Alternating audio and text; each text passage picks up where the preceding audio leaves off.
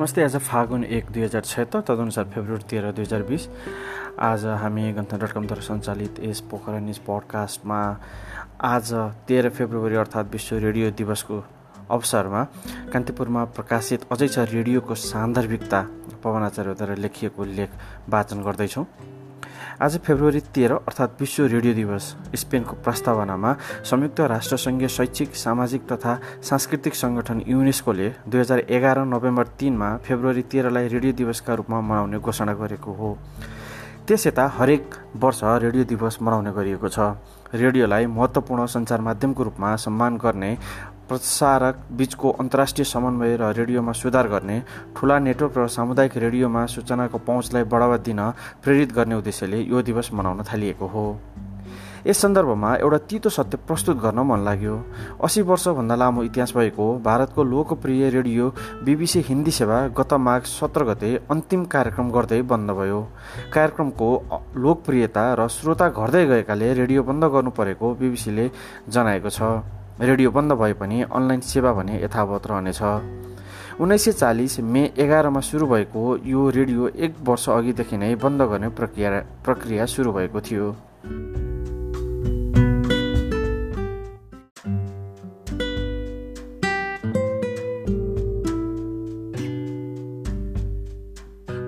नेपालमा अहिले नै श्रोताको सङ्ख्या घटेकाले रेडियो बन्द गर्ने निर्मम निर्णयमा पुगिहाल्नुपर्ने अवस्था आइहालेको छैन।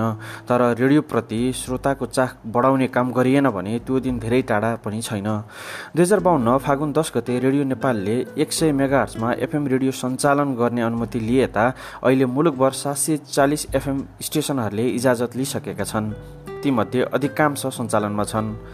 इन्टरनेट र मोबाइल फोनको बढ्दो प्रयोगले परम्परागत सञ्चार माध्यमको उपयोगमा कमी आउन थालेकाले विभिन्न सर्वेक्षण थालेको विभिन्न सर्वेक्षणले देखाएका छन्। पत्रिका र रेडियो इन्टरनेटको व्यापक विस्तारपछि खुम्चिनुपर्ने अवस्थामा पुगेको आवाज भइसकेको छ।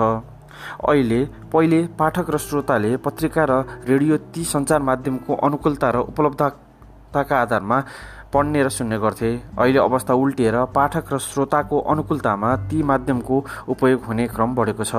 मोबाइल फोनको फैलावटले अहिले मुलुकको एकहत्तर प्रतिशत जनसङ्ख्या इन्टरनेटको पहुँचमा रहेको तथ्याङ्क छ। यीमध्ये पचपन्न प्रतिशतले मोबाइल मार्फत इन्टरनेट प्रयोग गर्ने गरेको नेपाल दूरसञ्चार प्राधिकरणले कार्तिक छत्तरको मासिक प्रतिवेदनमा देखाउँछ। तर हाम्रा रेडियोका कार्यक्रमहरू ती मोबाइल प्रयोगकर्ताप्रति लक्षित छैनन् वा भनौँ जहाँ श्रोता छन् त्यहाँ प्रसारक पुग्न सकिरहेका छैनन्। रेडियोको सबैभन्दा सबल पक्ष भनेको विभिन्न भाषाभाषीका कार्यक्रम सञ्चालन गर्नु हो। रेडियोको फैलावट यसरी तीव्र रूपमा नहुँदो हो त मातृभाषामा देश देशावरका सूचना र मनोरञ्जन प्राप्त गर्ने माध्यम अवसरबाट विभिन्न भाषाभाषी समुदायहरू वञ्चित हुने थिए। यसले भाषाको मात्र होइन सांस्कृतिक जगेर्नामा पनि राम्रै टेवा पुगेको छ। पहिले रेडियो नेपालले थालेको भाषाभाषी सम्बन्धी कार्यक्रम अहिले विभिन्न जिल्लामा सञ्चालित एफएम स्टेसनहरूले गर्न थालिसकेका छन्। जसले गर्दा स्थानीयलाई उनीहरूकै लवजमा सूचना प्राप्त गर्ने अवसर जोडेको छ र त्यसले सूचनामा मिठास पनि थप्छ। देशभरि खुलेका रेडियो स्टेसनहरूबाट विभिन्न समुदायले आफ्नो मातृभाषामा कार्यक्रम सञ्चालन गर्न पाउनाले बहुजातीय बहुभाषिक बहुसांस्कृतिक बहुधार्मिक मुलुकको पहिचानले थोरै मात्र भए पनि सार्थकता पाएको छ। यसअघि सञ्चार जगतमा पनि बहुपहिचानको विषय संविधानको धारामा मात्रै सीमित थियो तर अहिले विभिन्न भाषामा सञ्चालित कार्यक्रम मार्फत समुदायले आफ्नो अनुभूति विचार दृष्टिकोण आफ्नै मातृभाषामा अभिव्यक्त गर्न पाएका छन्। समाज रूपान्तरणका लागि आफ्ना ज्ञान अनुभव क्षमता र योजना प्रस्तुत गर्ने भरपर्दो थलो पनि रेडियो हुनु हुन पुगेको छ। यसले यी समुदायमा आत्मगौरवको विकास पनि गराएको छ। रेडियो कार्यक्रमहरू समुदायका लागि सूचना एवं जानकारी सम्प्रेषण गर्ने भरपर्दो विकल्पका रूपमा उभिएको छ। साथै साथै मातृभाषामा रेडियो बोल्न र सुनाउन पाउँदा ती समुदायमा रहेको हीनताबोधलाई चिर्ने काम पनि भएको छ।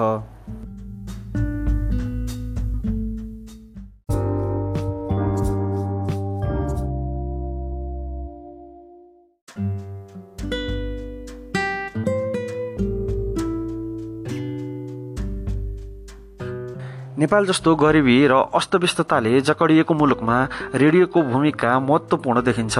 असमान भौगोलिक धराताल र असमान विकासले गर्दा नेपालमा रेडियोको पहुँच अझ बढाउनु पर्ने देखिएको छ।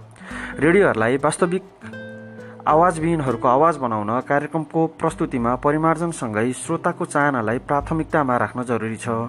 नभए रेडियो अहिले झैँ कुहिरोको काग हुन बेर छैन। नियन्त्रण र नियमनभन्दा माथि देखिएका रेडियोहरूले सत्य तथ्य निष्पक्ष जस्ता पत्रकारिताको धर्म धान्न सकेका छैनन् जसले गर्दा आम नागरिकको विश्वासको कसीमा सबै रेडियो खरो उत्रिसकेका छैनन्। समयक्रमसँगै सूचना प्रवाहको गहकिलो जिम्मेवारी बोक्ने रेडियोहरू श्रोताको नजरमा विश्वासिलो माध्यमका रूपमा स्थापित स्थापित हुन सकेका छैनन् सकेनन् भने त्यसको प्रभाव आम सञ्चार र पत्रकारिताका अन्य माध्यममा पनि पर्न सक्छ। लोकतान्त्रिक आन्दोलन विनाशकारी भूकम्प बाढी र पहिरोको प्रकोप जस्ता इतिहासका महत्त्वपूर्ण कालखण्डमा नेपाली रेडियोहरूले सूचना सम्प्रेषणमा पुर्याएको योगदानकै कारण अहिले पनि यो विश्वासिलो माध्यमका रूपमा श्रोताको मनमा बस्न सफल छ। तर अनलाइन न्युज पोर्टलहरूले छिनछिनमा विश्वका ताजा सूचना पाठकका मोबाइल स्क्रिनमा पुर्याउन थालेपछि रेडियोले तीव्र रूपमा सूचना प्रभावभन्दा पनि विषयवस्तुको गहनतामा पुग्ने कोसिस गर्नुपर्ने अवस्था सिर्जना भएको छ। अझ सामाजिक सञ्जालमा आइसकेका सूचनालाई रेडियोले समाचारका रूपमा प्रस्तुत गर्दा श्रोताको चाहना पूर्ति हुन सक्दैन। कुनै पनि विषयको साङ्गोपाङ्ग प्रस्तुति फरक मतलाई पनि दिने स्थान नेताहरूको भाषण र कटाक्षभन्दा विशेषज्ञको अनुभवमा आधारित भएर रेडियो कार्यक्रममा समाचारहरू सम्प्रेषण गर्नुपर्ने बेला आइसकेको छ। तर त्यसका लागि रेडियोमा काम गर्ने जनशक्तिमा लगानी हुन आवश्यक छ। जुन अहिले रेडियो प्रसारकहरूको प्राथमिकतामा छैन। श्रोता के सुन्न चाहन्छन् भन्दा पनि प्रसारकहरू के सुनाउन चाहन्छन् भन्नेले बढी महत्त्व र स्थान पाउने क्रमको अन्त्य आवश्यक छ।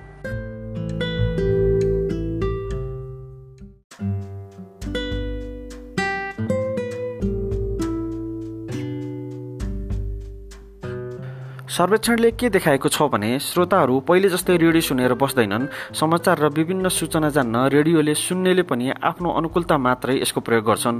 साँझ बिहान बाहेक हरेक आफ्नो अनुकूलता वा फुर्सदमा रेडियो सुन्ने जमात बढ्दछ। त्यसैले श्रोता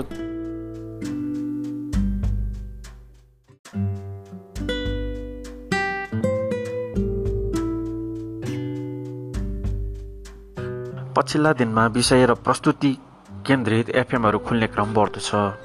किनभने श्रोताको चाहना समयसँगै परिवर्तन हुँदै गइरहेका मात्रै छैनन् कि आफ्नो विषय केन्द्रित विषयमा उनीहरूको रुचि पनि उत्तिकै बढ्दो छ। पहिले जस्तै एउटै रेडियोबाट सूचना मनोरञ्जन व्यङ्ग्य शिक्षा स्वास्थ्य लगायतको जानकारी खोज्ने श्रोता अचल छैनन्। गाउँघरतिर बुढापाकाले नयाँ पुस्तालाई कथा सुनाउँदा अन्त्यमा सुन्नेलाई सुनको माला भन्नेलाई फुलको माला भन्दै कथाको बिट मार्थे। उति बेलादेखि नै श्रोतालाई कति महत्त्व दिन्थ्यो भन्ने बुझ्न हामी सबै विगततर्फ फर्कने हो भने पनि पुग्छ। अचेल हाम्रा रेडियोहरू श्रोता केन्द्रित कम र आत्मकेन्द्रित ज्यादा त भइरहेका छैनन्। सेयरकास्ट इनिसिएटिभको तथ्याङ्कले के देखाएको छ भने इन्टरनेट चलाउने पन्चानब्बे प्रतिशत सामाजिक सञ्जालमा सक्रिय छन्। त्यस्तै रेडियो सेटको प्रयोग गर्नेहरू अडचालिस प्रतिशत हाराहारी हुँदा मोबाइल मार्फत रेडियो सेट सुन्ने श्रोताको सङ्ख्या छप्पन्न प्रतिशत छ। त्यसैले पनि रेडियोका कार्यक्रमहरू कतातिर केन्द्रित हुनुपर्छ भन्ने सङ्केत गर्छ। रेडियोको सम्पत्ति त्यहाँ बज्ने गीत सङ्गीत र सूचना हुन् कि श्रोता? गहिरिएर सोच्ने बेला भएको छ। रेडियो कर्मीसँगै व्यवस्थापकहरूले पनि यसबारे श्रोतालाई समय घर्किनु अघि नै जानकारी गराउँदा उत्तम हुन्छ। किनभने श्रोता भएकाले रेडियो हुने हो। रेडियो भएकै कारण श्रोता हुने अवस्थाको अन्त्य नेपालमा पनि धेरै अघि नै गइसक्यो।